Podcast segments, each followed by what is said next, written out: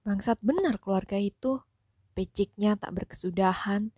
Berani-beraninya dia menghasutku. Padahal aku masih ingat benar bagaimana waktu itu ia mendukung pergerakanku sepenuhnya dengan organisasi dagangnya. Mobil itu sudah kukembalikan kepadanya, tetapi aku masih diperlakukan seperti ini. Sepertinya aku juga harus meninggalkan rumah ini daripada nasibku berujung seperti teman-temanku yang dibakar, ditembak, bahkan dicemplungkan ke dalam kali. 5.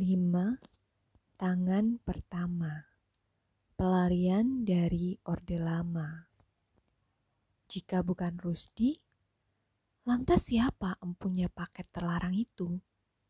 Semakin jauh menjelajah, semakin banyak teka-teki mencuat.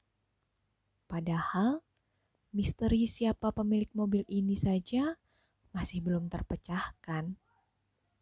Lama terdiam dalam pikiran kelam, seketika aku teringat kepada sesuatu di dalam mobil yang mungkin dapat membantu menerka siapa pemilik paket itu. Aku menarik tuas gas sepeda motor lebih dalam hingga embusan kecepatanku menerbangkan daun-daun kering di aspal jalan.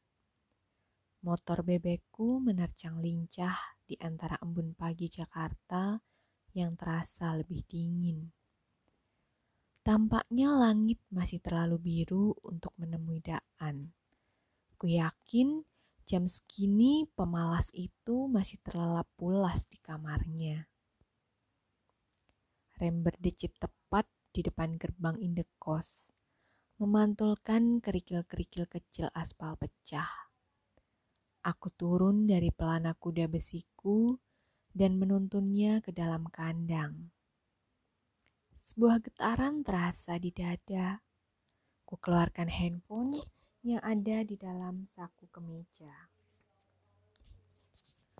Untuk kesekian kalinya, semenjak kemarin malam, aku menerima pesan singkat yang berisi penawaran untuk membeli mobil itu. Aneh, dari mana mereka mendapatkan info palsu ini dan bagaimana mereka bisa mendapat nomor telepon genggamku? Padahal Aku saja tak pernah berwacana sama sekali ingin menjual mobil itu. Setiap kutanya dari mana mereka mendapat info itu, mereka bilang ada yang menawarkan mobilku via telepon kepada komunitas-komunitas penggemar mobil klasik. Dan yang lebih aneh lagi, yang memberi mereka info adalah orang dengan nama yang berbeda-beda. Ada yang bernama Rahmat, Dandi, Wilson, dan nama-nama lain yang tak pernah ku dengar sebelumnya. Apa jangan-jangan ini Tita Henry? Atau bahkan Leo? Aku mengembalikan handphone ke dalam saku dan langsung melangkah cepat ke arah tangga menuju balkon lantai dua kamar 21. Tanpa ritual mengetuk, aku langsung memutar gagang pintu. Siapa tahu sang penghuni kamar lupa mengunci. Kaget, takjub, dan kagum melebur jadi satu ketika mengintip ke dalam kamar Daan dari celah pintu yang tidak tertutup rapat. Kejutan kali ini jauh lebih langka dibandingkan dengan saat aku mendapati Daan sedang indehoy bersama perempuan di kamarnya. Atau lebih mengagetkan ketimbang waktu aku membuka pintu kala Daan sedang telanjang bulat. Kali ini lebih tidak lazim. Aku melihat Daan sudah bangun. Jam setengah tujuh pagi. Aku membeku di ambang pintu dengan gagang pintu yang masih terselip dalam genggaman. Daan sedang duduk bersila dengan hampa di atas kasur sambil merokok dan menatap kosong layar kaca televisi yang menyiarkan acara memasak. Kurasa ia tidak benar-benar sedang menonton. Pandangannya kosong. Arwahnya seakan melayang-layang terusir dari tubuhnya yang lemah.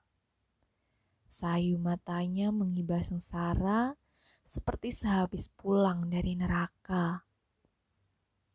Tampilannya lebih kucel dari biasanya. Sekujur tubuhnya bersimbah peluh yang membuat kaosnya basah kuyup. Layaknya orang yang berada di bawah sadar, ia baru menyadari kedatanganku dengan reaksi yang lamban. Eh, ada rantau. Masuk, Ran. Nggak dikunci kok. Nggak dikunci? Padahal aku saja sudah berada di dalam kamarnya. Sungguh ada yang aneh dengan sahabatku itu hari ini. Wajahnya benar-benar pucat pasi dalam depresi. Matanya berkantung hitam seperti tidak tidur semalaman. Aku melempar pandang ke penjuru kamar tidak kutemukan tanda-tanda adanya botol minuman keras atau bekas cimeng.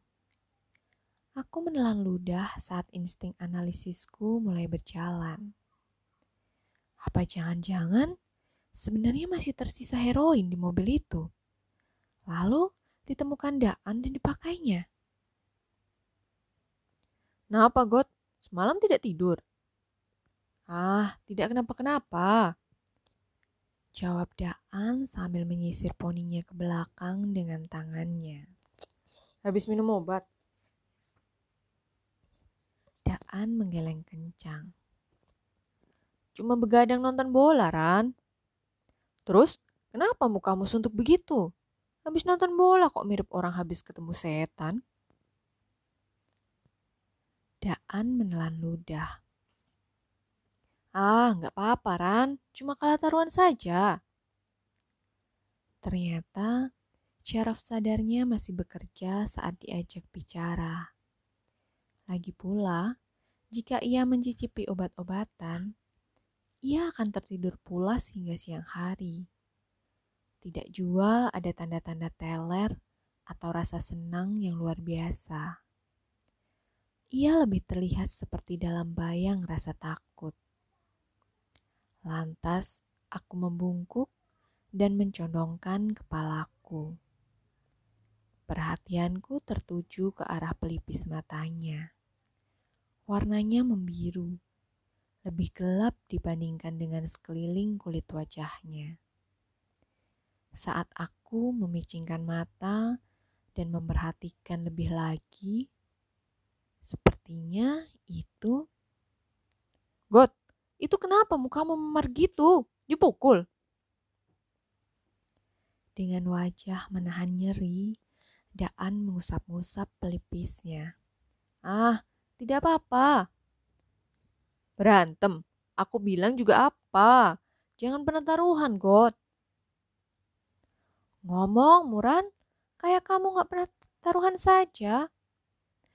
Maksudku, jangan pernah taruhan pasang Milan ucapku sambil tersenyum kambing.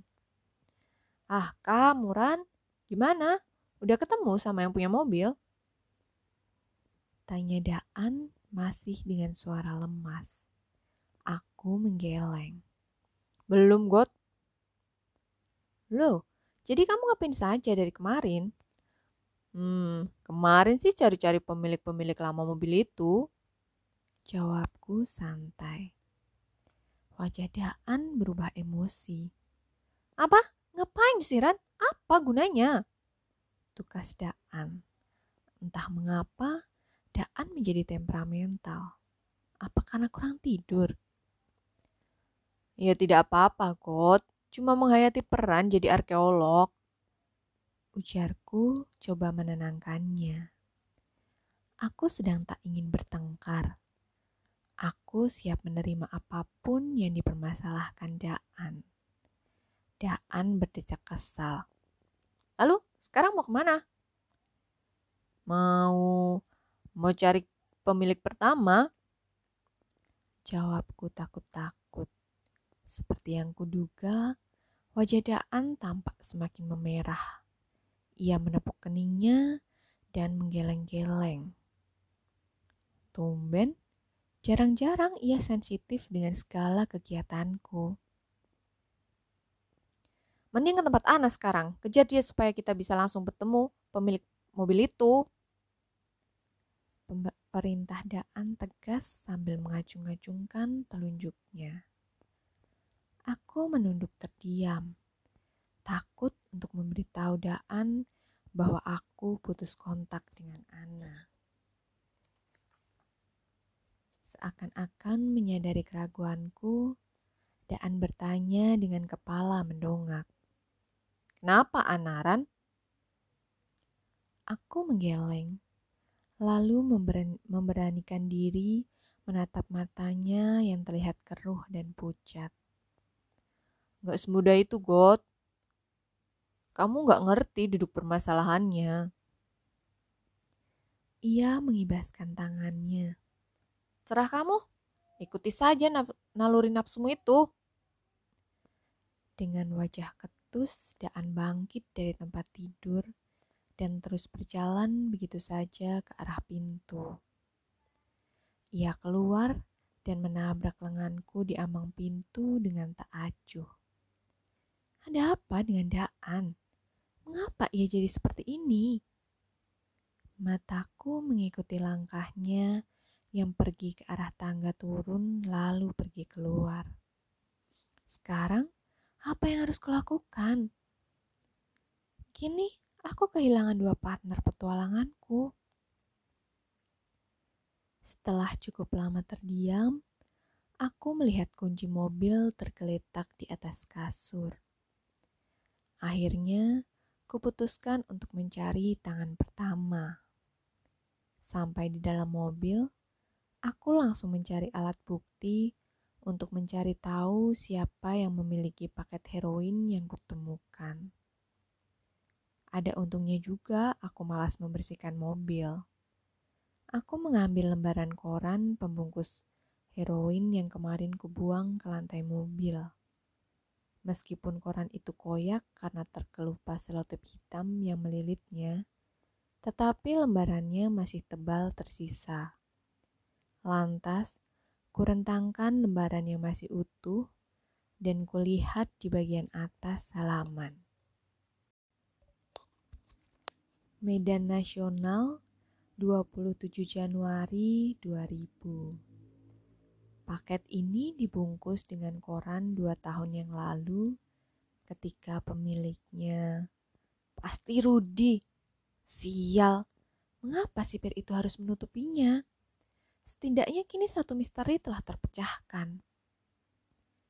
Aku memundurkan mobil dari halaman.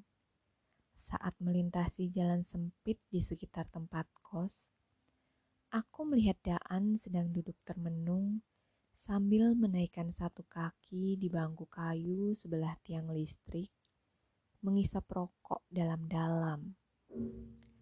Ia mengayun-ngayunkan satu kakinya seperti orang yang sedang depresi. Persis preman yang biasa kulihat sedang merenung garang di terminal. Rasa penasaranku kepada masalahnya semakin tak terbendung. Ketika menyadari kedatangan mobilku, ia membuang muka pura-pura tak acuh. Aku berinisiatif memutar tuas dan menurunkan kaca jendela seraya membujuknya seperti membujuk anak kecil. Halo, kamu yang di sana? Mau ikut kakak tidak? Kepalanya masih tertunduk dan terus mengembuskan asap. Aku terus menatapnya dengan tersenyum. Lama-lama, kulihat ia menyeringai malu-malu dan semakin tak ingin dilihat. Bener nih, gak mau merasakan petualangan bersama seorang arkeolog. Seperti sudah pada puncak kepenatannya, Akhirnya ia meninggalkan gengsi penekan hati, lalu mendesah. Ah! Kemudian membanting sisa puntung rokoknya dan mengempaskan tubuh masuk ke dalam mobilku dengan masih mengenakan kaos oblong, celana pendek, dan sandal jepit. Aduh, apa ini? Nyungsep nih. Bokong Daan langsung terjerembab ke dalam jok yang berlubang. Aku langsung terbahak puas. Eh, hati-hati, God. Duduknya sedikit ke pinggir. Kok bisa bolong, Ran? Kenapa ini? Ah, bukan apa-apa. Biar gampang kalau lagi kebelet. Sekalian saja diisi pasir. Serius, kenapa ini? Gerutu Daan. Aku menyeringai. Tidak, aku cuma mau ganti busanya, sudah keras. Jelasku menutupi kenyataan. Di atas usaha menduduki kursi yang berlubang, kami berdua memulai petualangan hari ini. Berkendara melewati Mampang, lanjut ke Kuningan, kemudian menuju Menteng. Kerisauan mulai menggoncang keyakinan di sela-sela perjalanan. Aku ragu apakah aku bisa menemukan sang tangan pertama. Hendri saja yang sudah mencari pemilik pertama puluhan tahun yang lalu tidak bisa menemukan seorang yang bernama Widodo ini. Paling-paling nanti aku hanya bisa tanya-tanya ke tetangga. Namun, sekalipun bertanya, pasti akan sulit dilakukan kepada penghuni-penghuni kelas menteng yang luar biasa kesibukannya. Daan mengambil BPKB mobil yang tersimpan di laci mobil. Ia tampak sibuk membolak-balik halaman demi halaman. Kemarin ketemu siapa saja, Ran? Macam-macam orang. Lumayan susah mencari-cari mereka. Baru kali ini, Daan tampak tertarik dengan nama-nama di buku itu. Chong, Wong Long, siapa ini Ran? Dia pengusaha zaman dulu. Orangnya sudah tua sekali, sudah pikun, tidak ingat apa-apa lagi. Jelasku singkat seperti malas menceritakannya lagi. Kalau Rusdi, Tanya Daan dengan nada yang berubah, seakan-akan semakin penasaran dengan para pemilik mobil sebelumnya.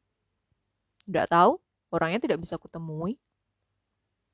Daan mengangguk kecewa. Sayang sekali ya Ran, tidak ada pemilik yang benar-benar bisa menceritakan sejarahnya sendiri. Masih mending, God, daripada fosil sama Arca nggak bisa ngomong, nggak punya BPKB, nggak tahu siapa pemiliknya. Ucapku sambil terkekeh. Lalu, siapa ya pemilik pertama ini? Sepertinya orang kaya. Rumahnya saja di Menteng. Kumam Daan sambil menilik halaman BPKB yang digenggamnya. Wajar sih, God. Zaman segitu yang punya mobil kayak gini ya cuma orang-orang kaya. Dan kebanyakan orang kaya zaman dulu tinggalnya kalau tidak di Kebayoran ya di Menteng. Ya juga sih. Iran, kalau aku lihat di BPKB ini, mobil itu di tangan orang ini hanya sebentar sekali. Padahal dia yang beli pertama kali. Kenapa ya? Apa dia kecewa dengan mobil ini? Oh iya, kemarin anak si tangan kedua sempat bilang kalau sebenarnya dialah tangan pertama yang sesungguhnya. Aku nggak ngerti apa maksudnya. Kalau menurut analisisku, mungkin dia hanya sang perantara. Perantara? Iya, Kot. Tahun 66 sampai 69, keadaan Indonesia sangat genting pas KG30 SPKI.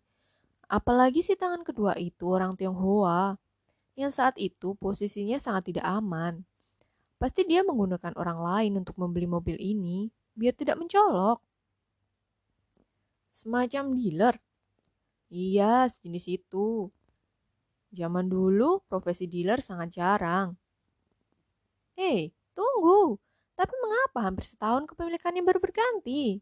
Apa memang orang ini yang membeli lalu menjualnya lagi? Aku rasa kecil kemungkinannya. Untuk sekedar membeli mobil bisa inden sampai bertahun-tahun. Jual, jual beli mobil tidak semudah zaman sekarang. Tidak ada internet, koran, showroom mobil bekas juga masih jarang. Lagi pula, kalau mobil ini dijual, yang bisa membelinya cuma orang-orang kaya saja, yang masih sedikit sekali pada masa itu. Cukup sulit membeli dan menjual mobil seperti itu. Ya, mungkin saja kan ada apa-apanya. Misalnya, mau cerita seram, Ran? Mumpung masih siang, silakan saja. Ini cerita dari pamanku. Begini ceritanya. Kejadiannya pada akhir 1980-an. Dulu, pamanku mengemudikan mobil barunya bersama temannya dari Jogja ke Bantul.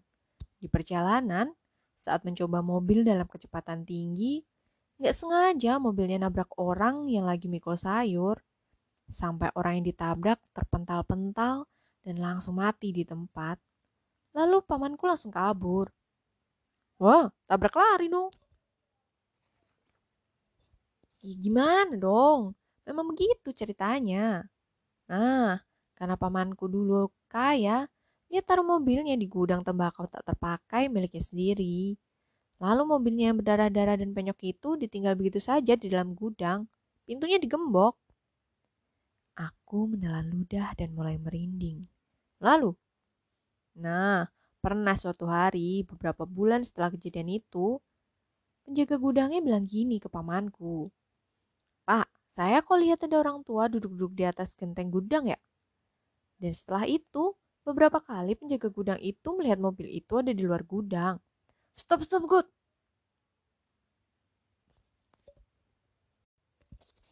Potongku senewan. Kamu itu paling bisa nyambung-nyambungin cerita ya. Daan pun tertawa puas. Tetapi tiba-tiba ia mendatarkan ekspresi wajahnya dan berkata, Eh, tunggu Ran, tunggu. Ada apa, Got?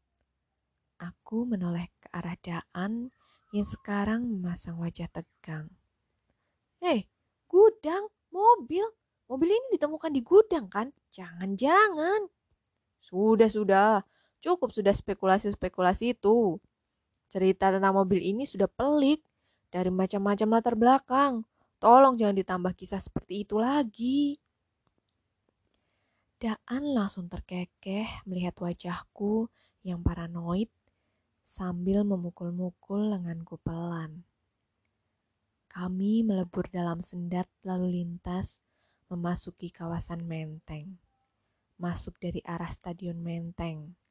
Setelah bertanya dengan beberapa orang di pinggir jalan di samping parit lebar yang membelah kawasan ini, kami mengetahui bahwa jalan yang kami cari sudah dekat. Aku pun mulai berjalan lambat dengan mata waspada di balik kaca jendela yang terbuka penuh. Menteng pagi hari terasa begitu sejuk.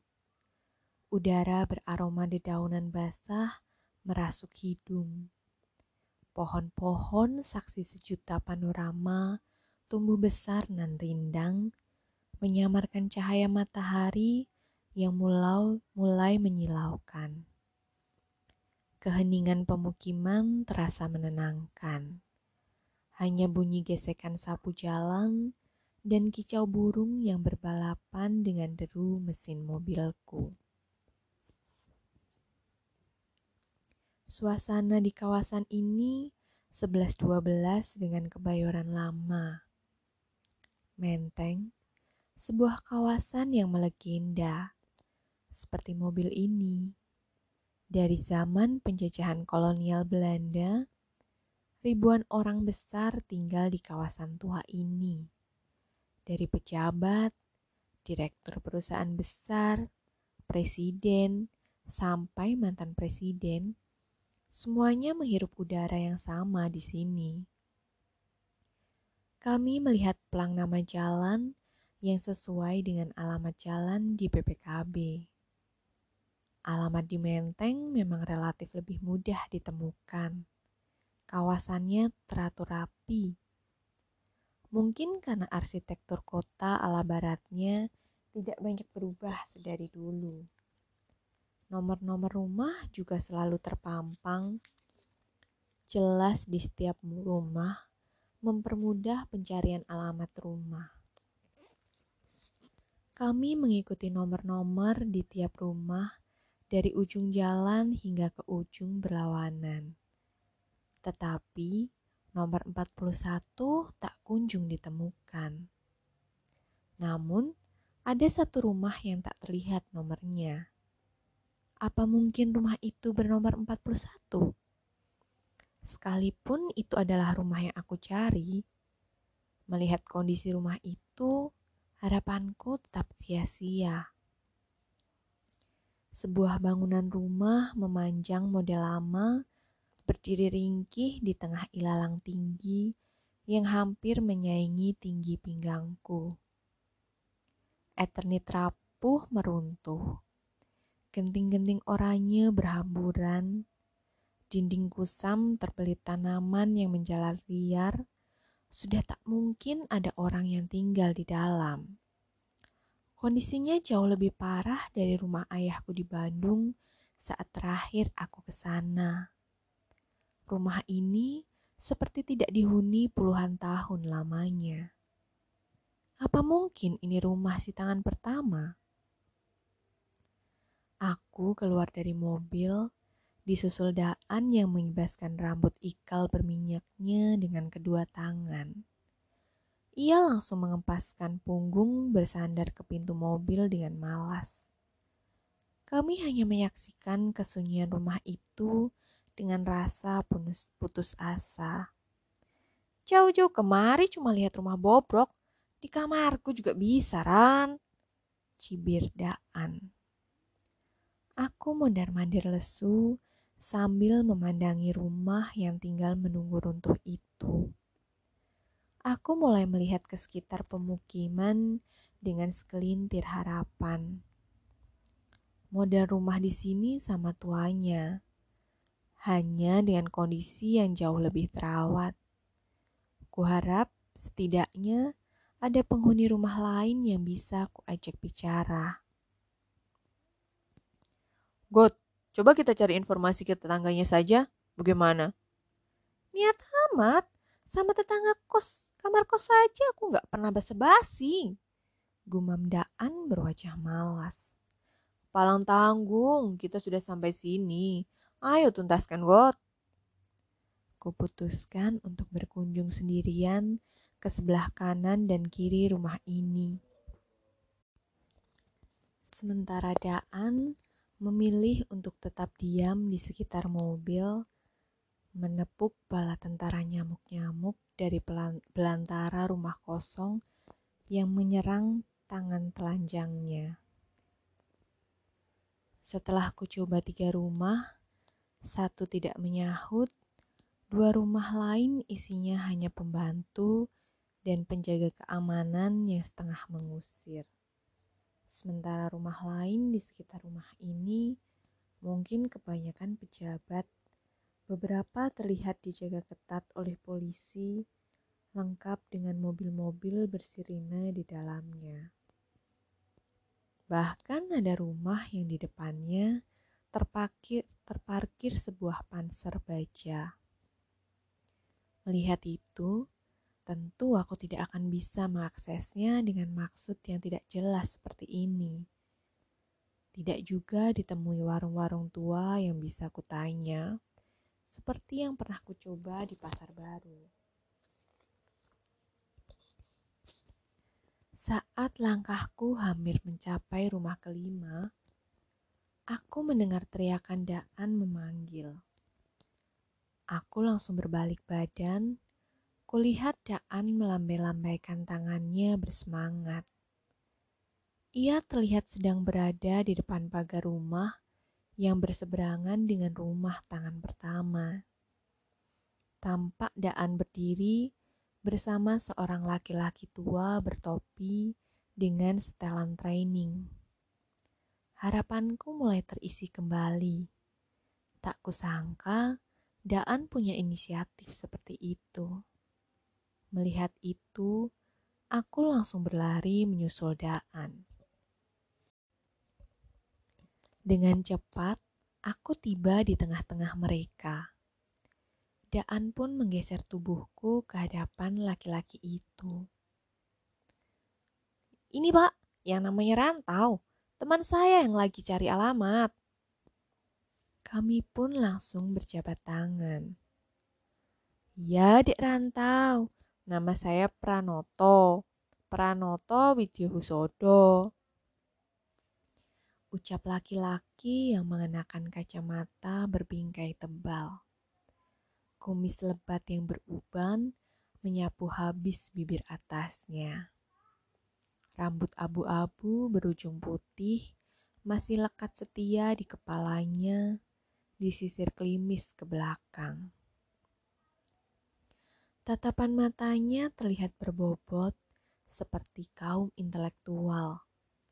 Mata yang penuh semangat seolah-olah tidak memedulikan usianya yang mungkin sekitar 60.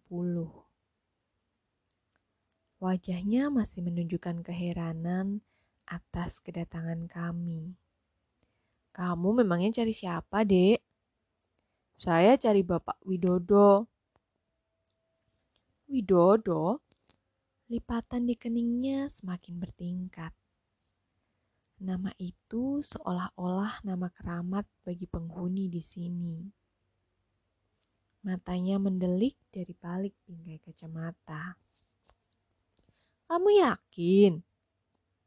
Aku mengangguk cepat dan langsung merentangkan alamat yang kutulis ulang di secari kertas, kupajang tepat di depan matanya. Pranoto mengamati dan mengangkat kedua alis sambil termangu. Jadi, rumah Pak Widodo di mana ya, Pak? Benar kan yang itu? Tanyaku sambil menunjuk ke arah rumah kosong tadi. Matanya memicing memandangi rumah itu. Masih dalam wajah tak percaya, ia mengangguk-angguk lambat. Iya, benar. Dulu rumahnya memang di sana.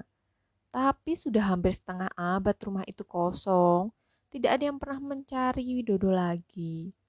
Dan saya rasa adik terlalu muda untuk pernah mengenalnya. Kekecewaanku kembali saat mengetahui sang tangan pertama tak lagi tinggal di sini. Saya memang tidak pernah kenal dengannya, Pak. Hanya saya sekarang pemegang mobil yang pernah dimiliki Pak Widodo. Jelasku sambil menunjuk mobilku yang dia menunggu tepat di depan rumah bekas hunian Widodo. Begitu kepalanya menoleh ke arah mobil itu, senyumnya melebar menyambut rindu. Oh, mobil itu ya. Iya, Pak.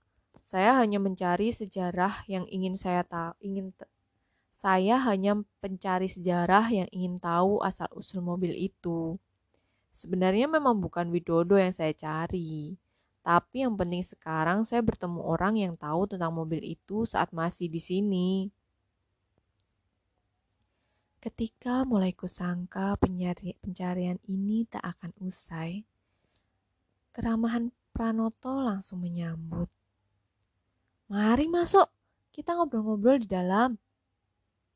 Mobil ini tampaknya senjata ampuh bagi setiap orang yang mengingatnya untuk dapat menerimaku dengan baik.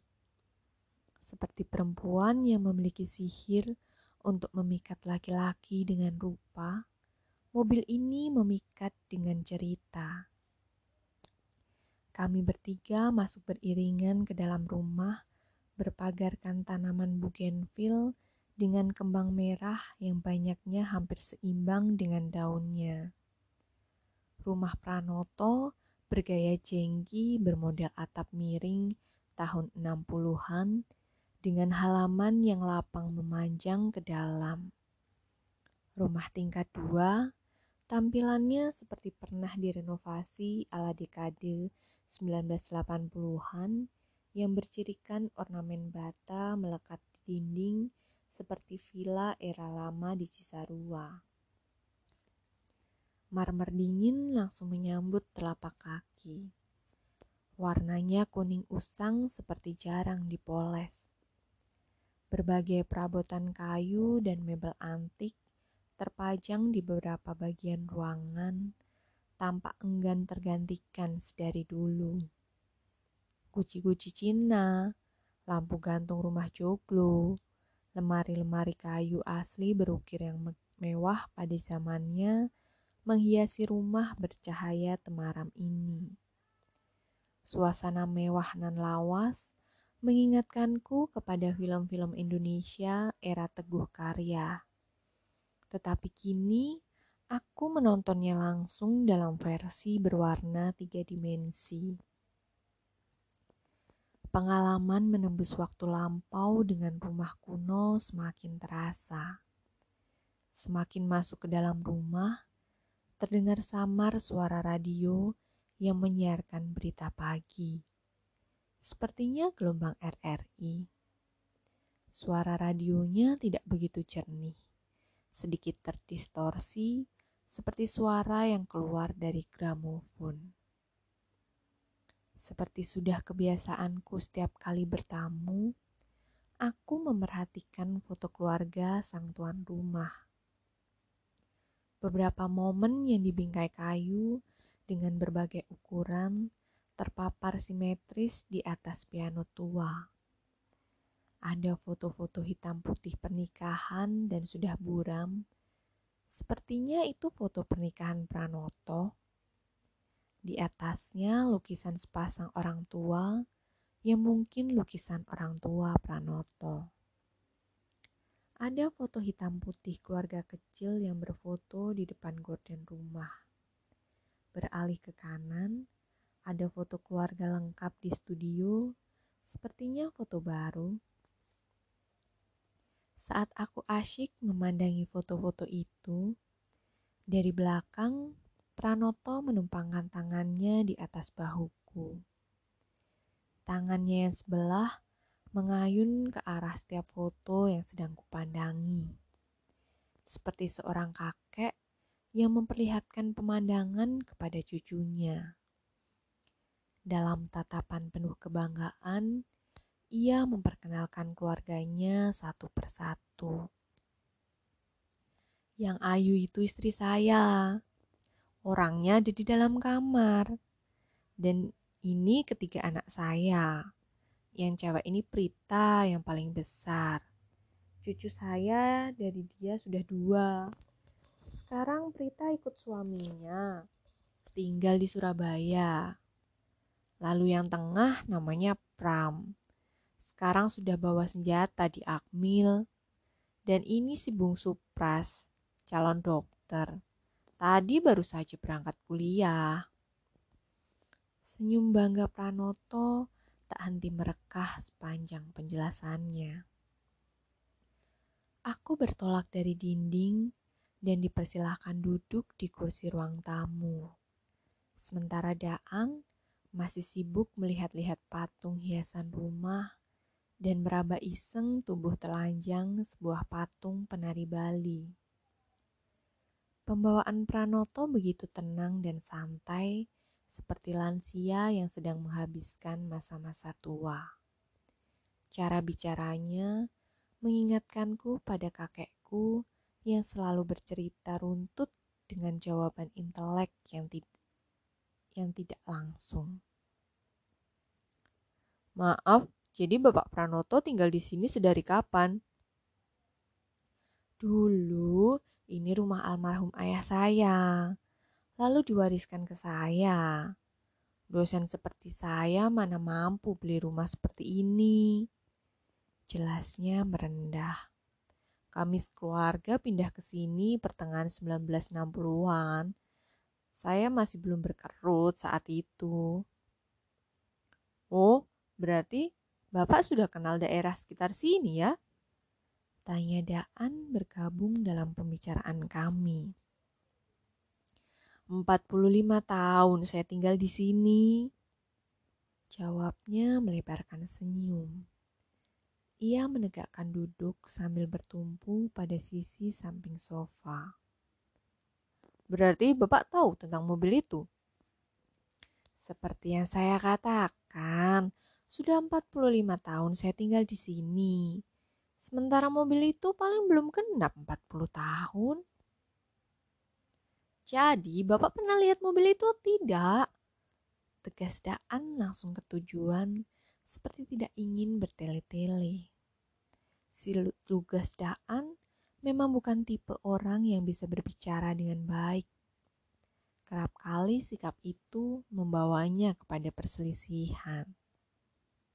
Ya, iya tentu saja. Pranoto mengembuskan nafas lelah. Berhubung mobil ini memang punya orang depan rumah, tapi seingat saya warnanya tidak seperti itu ya. Memang sudah diubah pak warnanya, jawabku. Diikuti mulut Pak Noto yang mengeluarkan huruf O. Saya sering lihat mobil itu. Biasanya kalau lagi dicuci di depan rumah, biasanya pemiliknya langsung yang mencucinya sementara Holdennya dicuci ajudannya. Kadang-kadang mobil itu diparkir di luar rumah. Waktu saya masih muda, saya pernah diizinkan masuk untuk melihat-lihat bagian dalam mobilnya. Sambil berkayal menyetir, saya saja masih ingat suara pemiliknya kalau memanggil saya waktu itu. Eh Noto, mari. Tidak coba auto saya? Lanjut Pranoto dengan wajah antusias mengenang masa-masa lalu yang manis. Eh, kalian mau minum apa? Tidak usah repot-repot, Pak.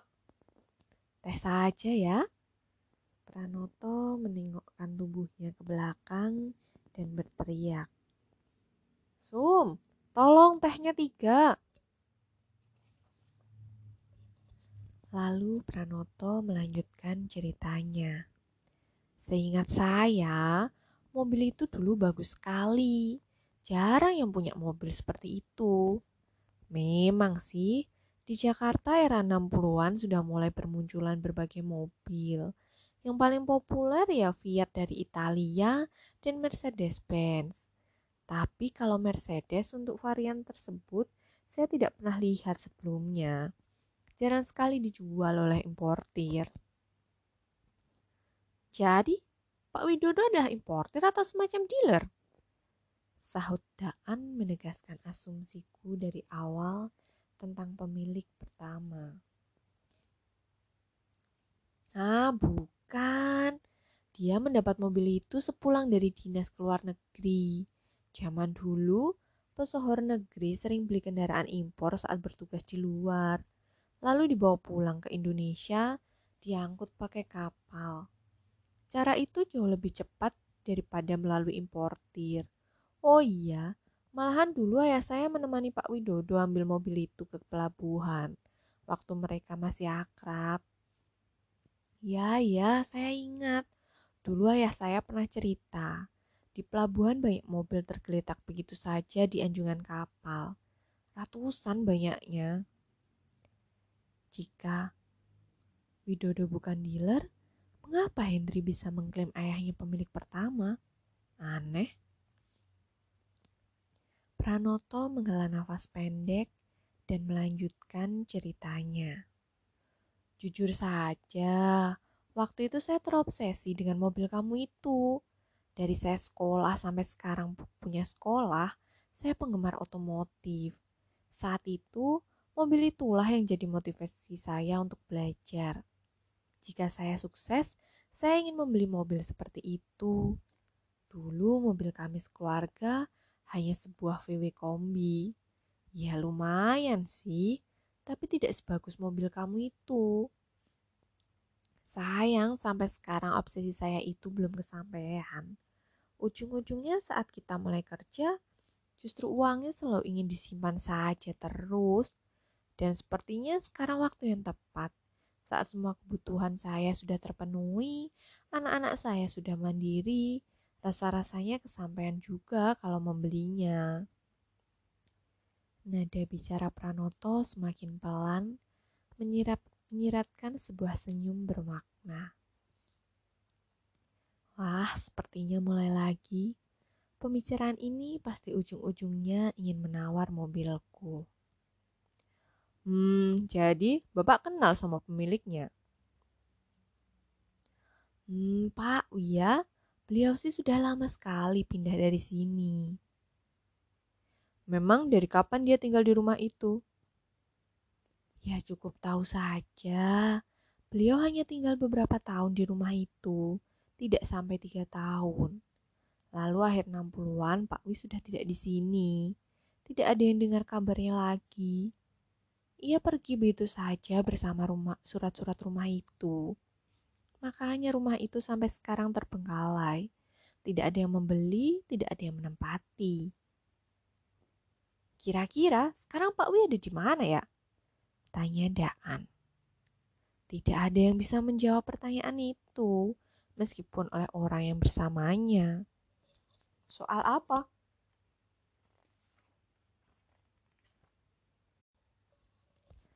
Tentu soal kehidupan setelah mati. Dulu waktu saya kecil saja dia sudah lumayan tua. Tentu sekarang dia sudah tiada. Jawab Pranoto santai. Jadi dulu Pak Wi kerja sebagai apa Pak? Sampai bisa beli mobil semal itu? Tanya Daan lagi. Jika Widodo bukan dealer, artinya dia pesohor negeri ini. Bukan begitu Pak Pranoto? Tambahku. Pranoto tersenyum. Tidak tahu, yang jelas punya jabatan dan berseragam. Ingatan saya kecil dulu ya hanya seperti itu.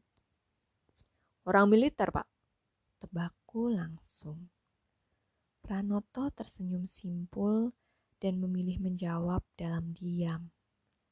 Beberapa detik kesunyian hanya diisi oleh pandangan kami yang menanti-nanti mulutnya terbuka.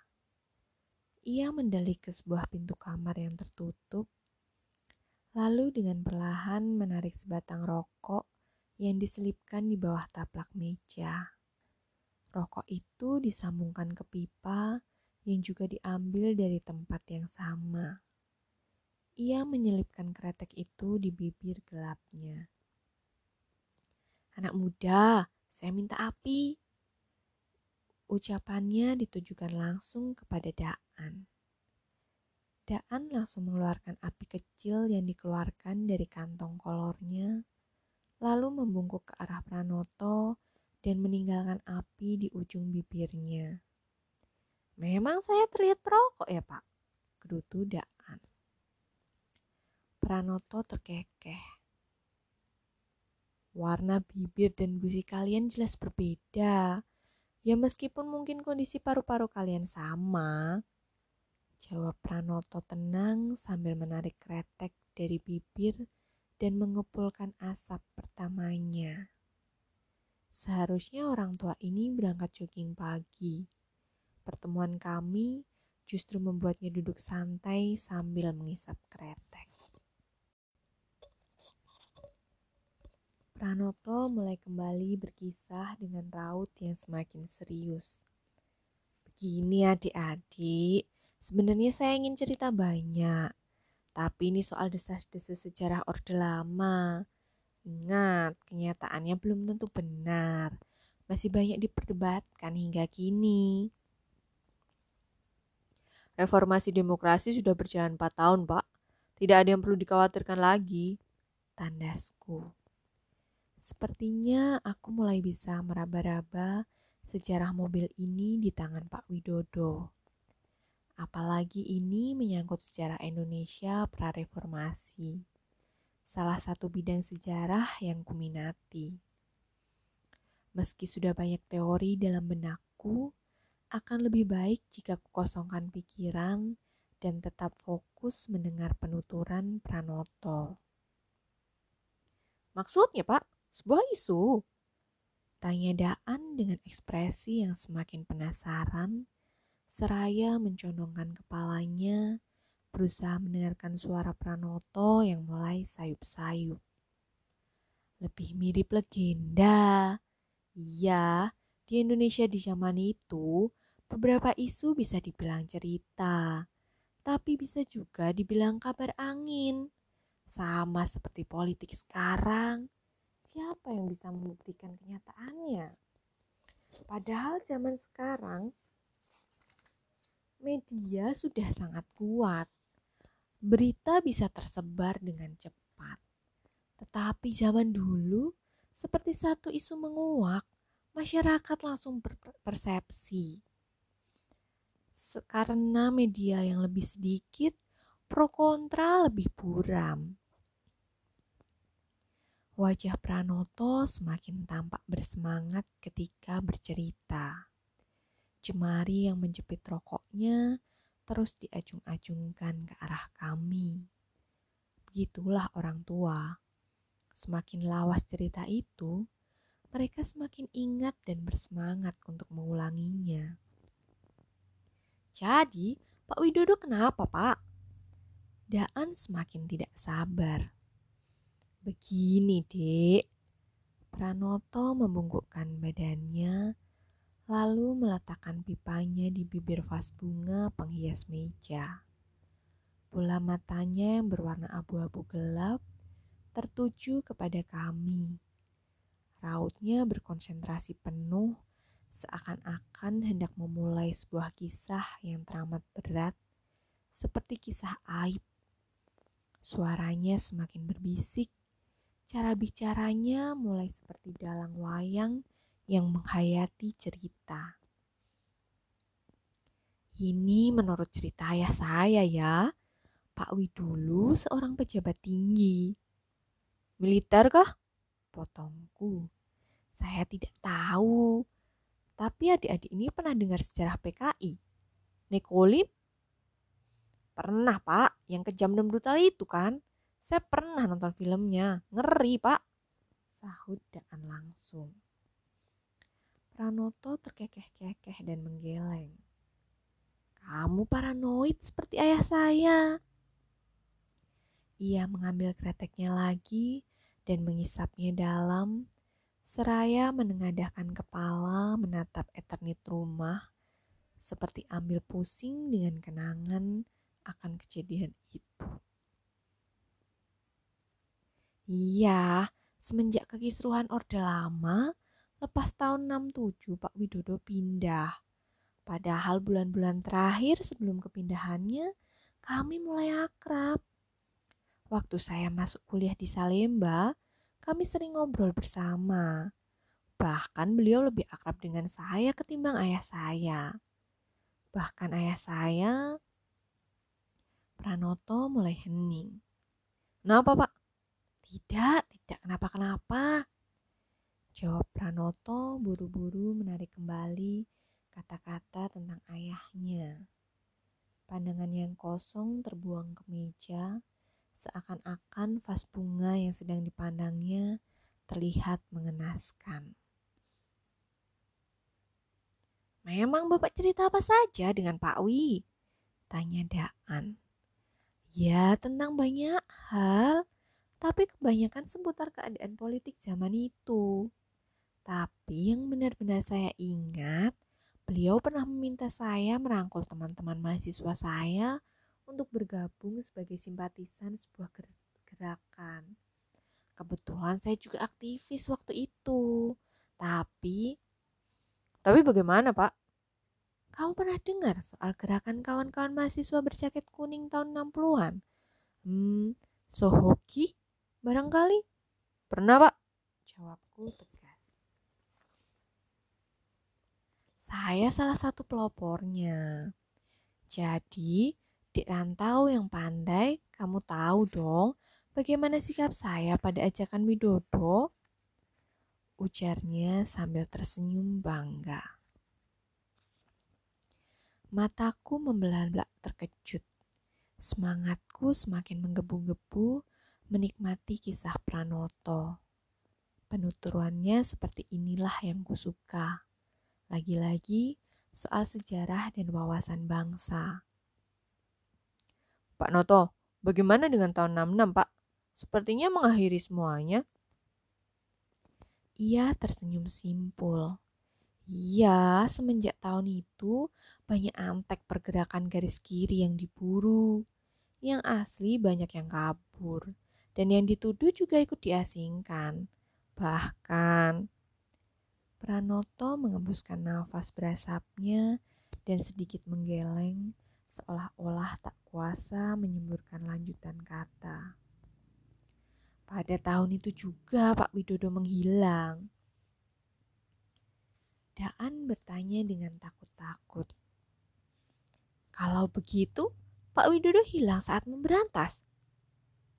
Atau malah ia yang diberantas? Susulku. Pranoto mengangkat bahunya dan tersenyum seperti tak mau ambil pusing lagi pada kisah yang terlontar. Daan memicingkan mata memandangku dan menggelengkan kepala seakan-akan lelah mengikuti alur cerita Pranoto. Yang jelas, tiba-tiba Pak Widodo sudah tidak tinggal di kediamannya. Begitulah. Syukur-syukur kalau sekarang ia berada di Taman Makam Pahlawan. Tegas Pranoto sambil terus mengisap pipanya tanpa henti seperti lokomotif kereta api yang menambah kecepatan. Tatapan Daan kepadaku seperti melecehkan apa yang baru didengarnya. Seakan-akan memberi isyarat bahwa ia sedang mendengarkan orang yang tengah melantur. Berbeda dengan tanggapan Daan, bagiku cara berbicara Pak Pranoto justru terasa bersih, memiliki pertahanan dengan labirin argumen yang tidak langsung mengena ke tengah isu. Seolah-olah gosip-gosip masa lalu tidak ingin ia ubah sebagai hal yang radikal. Pranoto hanya tak ingin memberikan judgement terhadap sejarah. Namun, aku justru salut kepada orang-orang tempo dulu semacam ini. Kala cerita tidak diulang kembali dengan bumbu sepihak menjadi sebuah gosip. Sebenarnya aku masih penasaran dengan sosok Widodo. Lantas, apa hubungan antara dia dan keluarga John Wonglong? Entahlah, biarlah hal itu tersimpan sebagai bagian dari sejarah bersama mobil itu. Meskipun telah lama terkubur, sisa-sisa sejarahnya masih ada, lengkap melengkap, lengkap melekat bersama dengan mobil itu. Kini kusadari mobil itu sudah menjadi salah satu bagian kecil dari sejarah bangsa, menjadi saksi bisu atas berbagai peristiwa itu. Ya sudah Pak Pronoto, saya rasa sudah cukup infonya. Kami mau pamit dulu. Ucap Daan tak sabar menyudahi pertemuan ini. Padahal Sebenarnya aku masih ingin bercerita banyak dengan Pranoto.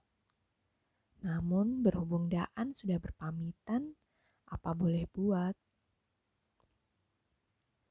Begitu saja, sanggah Pranoto seakan-akan panik atas kepulangan tamu kesayangannya.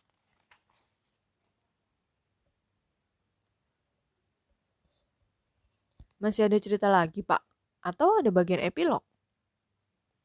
Dengan senyum penuh maksud, Pranoto bertanya dengan suara lembut. Dek Rantau sudah bosan dengan mobil itu.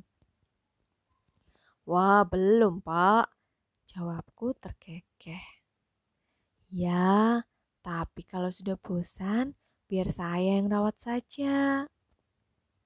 Aku hanya menimpalinya dengan senyuman canggung dan tatapan yang tidak fokus. Dek rantau tinggal sebut harga. Tegas Pranoto lagi. Perlahan raut ramahnya berubah serius.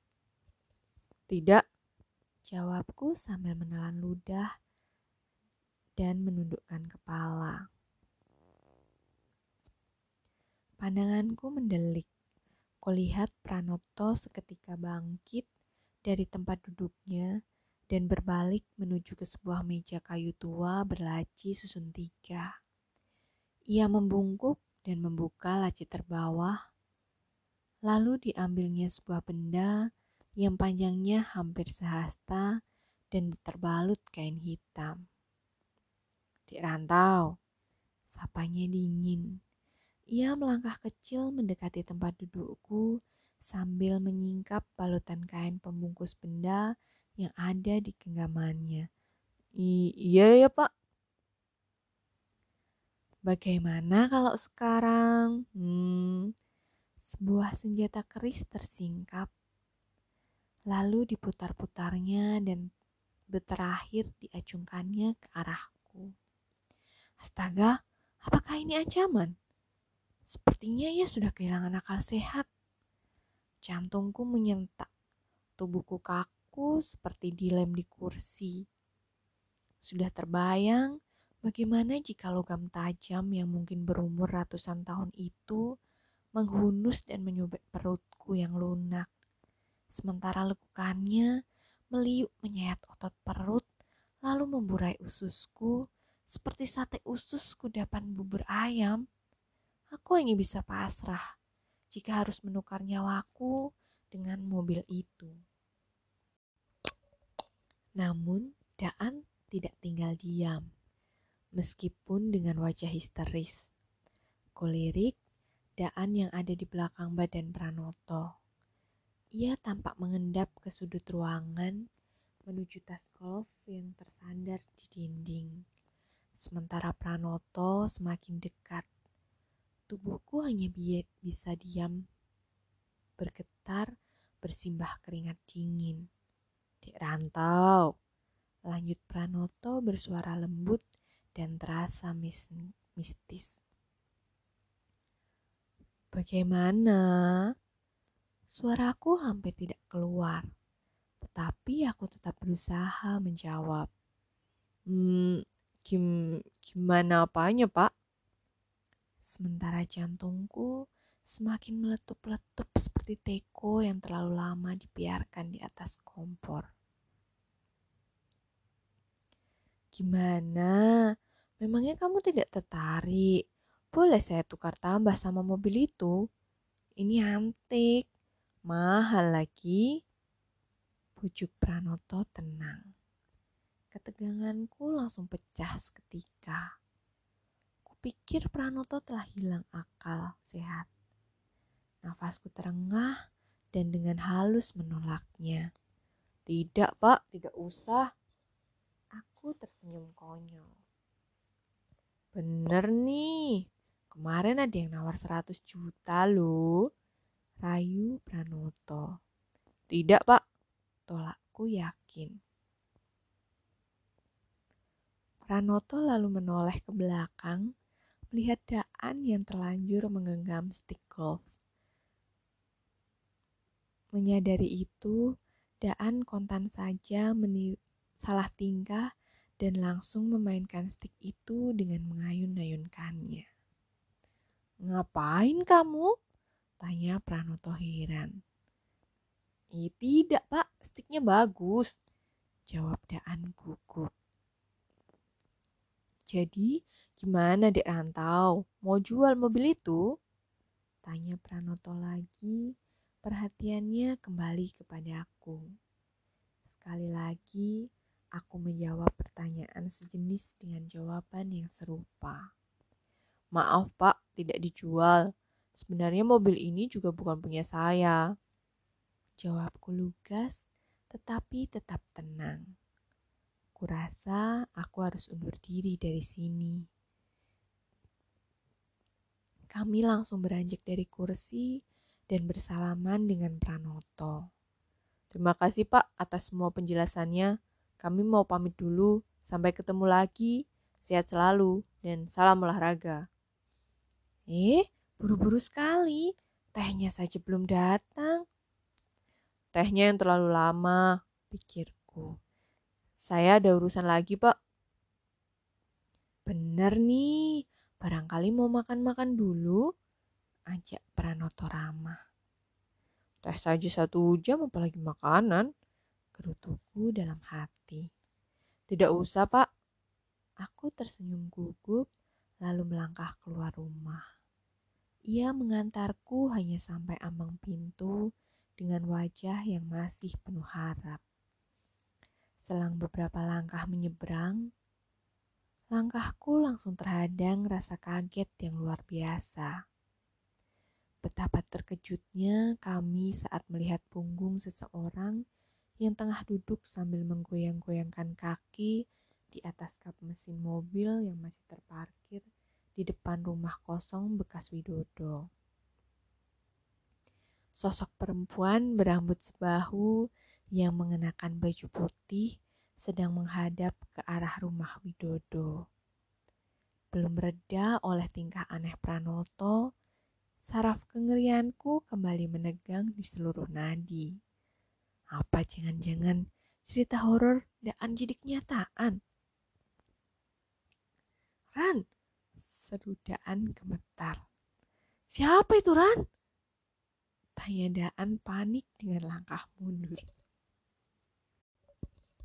Aku memicingkan mata, mencoba untuk tetap tenang. Berusaha melihat sosok itu baik-baik. Aku memberanikan diri melangkah pelan-pelan, menghabiskan badan jalan hingga mendekati perempuan itu. Ana, ngapain kamu? Tahu dari mana aku ada di sini? Tubuhnya tersentak mendengar sapaanku yang tiba-tiba. Ia menyadari kehadiranku lalu berujar. Seorang rantau tak akan mungkin menghentikan petualangannya. Ke mana lagi kalau bukan di sini? Aku mendengarkan kepala. Kok bisa sampai sini? Dari mana kamu tahu tempat ini? Kamu lupa, aku punya peta yang sudah kamu tandai. Oh iya, aku menepuk kening. Jadi untuk apa kamu ke sini? Mau cari tahu pemilik pertama. Jawabnya santai sambil tetap duduk di kap mobil dan mengayun-ayunkan kaki. Ya sudah kalau begitu, kamu pergi saja ke sana. Jariku menunjuk rumah kosong bekas hunian Widodo sambil menarik lengan Ana hingga turun dari kap mesin mobil. Tuh, kamu masuk saja ke rumah itu. Panggil nama yang namanya Pak Widodo. Ketuk-ketuk tuh pintunya sampai orangnya keluar. Ah, kamu Ran. Ia memukul pelan tanganku yang masih menggantung di lengannya. Makanya jawab yang benar. Untuk apa kemari? Aku hanya ingin minta maaf. Anna tertunduk lesu. Soal yang kemarin. Daan memandangi kami bergantian dengan wajah yang penuh rasa ingin tahu hingga tak berkedip. Oh iya, kenalkan ini rekanku hari ini. Ucapku sambil menarik tangan Daan. Daan, ucapan ucap Daan sembari menjabat tangan Ana dengan raut datar. Pandangannya dingin tidak seperti biasanya. Seperti sedang berjabat tangan dengan lelaki yang kurang tampan. Ia hanya tersenyum tenang dengan mata yang teduh. Padahal biasanya berkebalikan denganku, Daan paling tidak bisa menahan sikap kepada perempuan rupawan. Biasanya ekspresinya langsung terlihat jelas seperti petasan Cina yang meledak-ledak. Tak lama, Daan merangkulku dan menarikku ke belakang menjauh. Sebentar ya, Ana, ucap Daan. Aku dan Daan berjalan menjauh dari Ana hingga beberapa meter sampai kira-kira suara kami tak terdengar. Eh, Rantau, Ngapain Ana sampai bela-belain ke sini? Aku menggeleng enggan menjawab dan menghindar dari mata Daan. Sepertinya penyebab informasi itu sampai sekarang tidak ada karena kamu. Jelas-jelas dia sampai mau datang ke sini. Tukas Daan lugas sambil menusuk-nusuk dadaku dengan ujung telunjuknya. Bukan begitu, God. Apa rantau? Kenapa dia? Bagaimanapun hanya perempuan itu kunci untuk mendapatkan info tentang mobil itu. Kejar Daan dengan wajah semakin tidak sabaran. Sekarang begini, God. Sudah hampir seminggu aku bersamanya. Tapi nyatanya, informasi itu tak kunjung dapat. Ran, ingat. Kamu harus bersabar. Nah lo, sekarang siapa yang tidak sabaran? Sepertinya kamu yang dari tadi pagi mengejarku agar mendapat informasi itu. Padahal biasanya kamu cek-cek aja tuh. Ada apa sebenarnya, Mogot? Daan kehabisan kata. Mimiknya terlihat menahan amarah, merasa tak mau kalah. Sekarang gini deh, God. Sekarang aku tantang kamu. Coba kamu yang deketin Ana. Cari info itu kalau bisa. Tambahku. Tidak mungkin dia mau. Pemilik mobilnya itu kamu. Jadi, selama ini kamu berpikir kalau dia dekat denganku hanya karena mobil itu? Wah, sekarang siapa yang lebih percaya sama Anna? Jadi, kamu ini percaya Anna? Tidak sih? Aku kehabisan kata sejenak. Aku tidak tahu, God. Sebenarnya dia anak yang baik. Tapi entah mengapa masih ada keraguan dalam pikiranku Ucapku tertunduk lesu. Hai rantau, keraguan itu lagi. Sudahlah, sekarang kita yakini saja kalau dia tidak bisa cerita karena memang hanya ayahnya yang tahu. Aku menggaruk kepala. Sekarang aku benar-benar kehabisan stok argumen.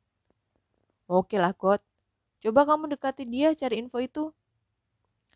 Tanpa mendengarkan Daan lagi, Aku langsung berbalik badan dan kembali berjalan menghampiri Ana yang berdiri bersandar di pintu mobil.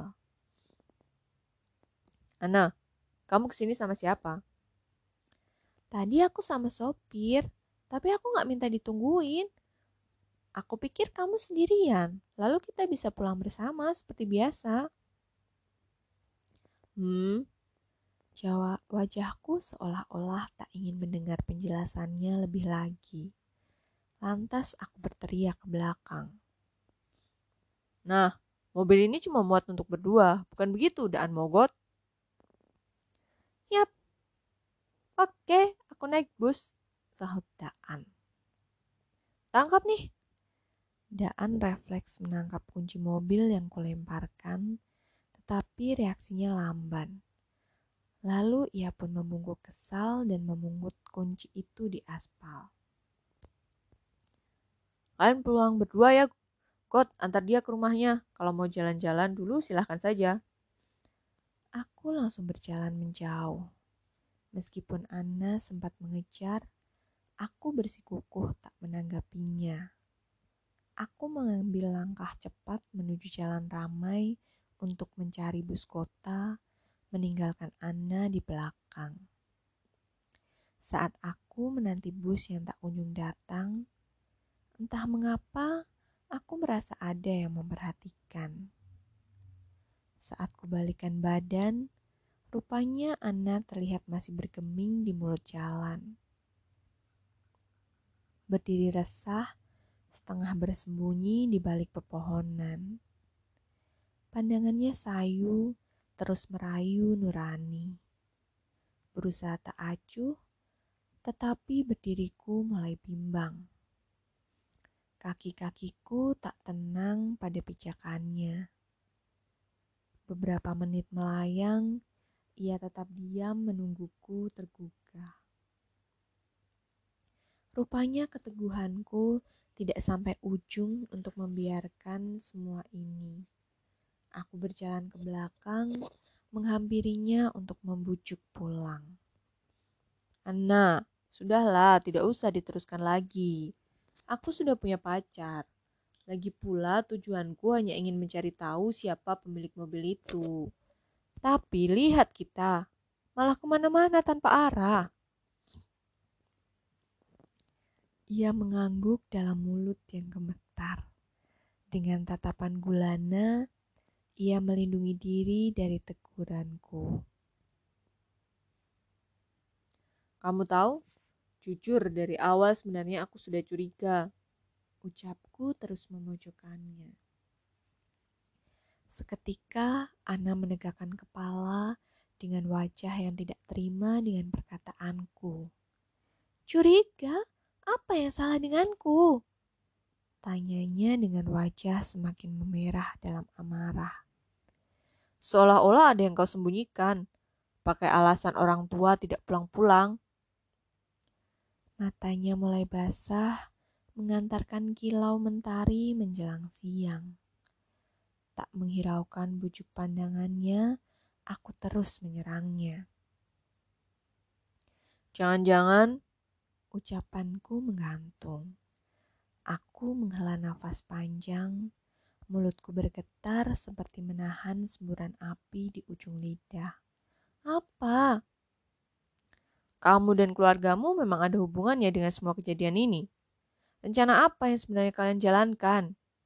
Cecarku dengan nafas terengah-engah. Aku tak menyangka kata-kata kejamku akhirnya bisa keluar begitu saja tanpa filter.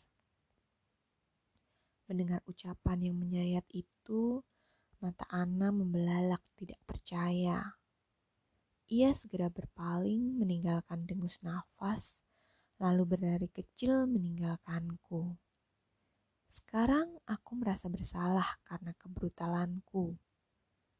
Sepuluh meter melangkah, Ana menoleh mengembalikan tatapan pilunya kepadaku. Pada saat yang bersamaan, bus yang nanti melintas semakin mendekat. Ibarat heli yang datang tepat waktu menjemput ketika markas penjahat akan meledak dalam hitungan detik. Tanpa pikir lagi, aku bergabung bersama kerumunan penumpang bus yang hanya mengisi setengah kekosongan tempat duduk.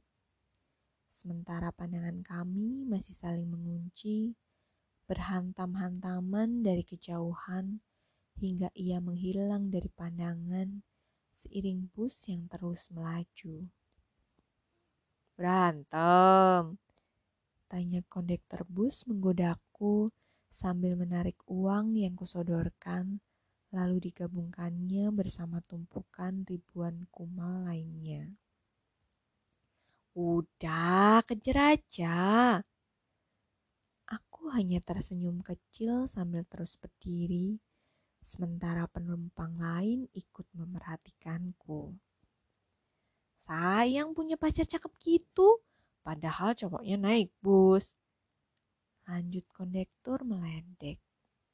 Andai perawakan kondektor itu tidak seperti preman, sudah kupukul tepat di wajahnya. Lagi pula, jika itu kulakukan akan menambah panjang ceritaku pada hari yang melelahkan ini.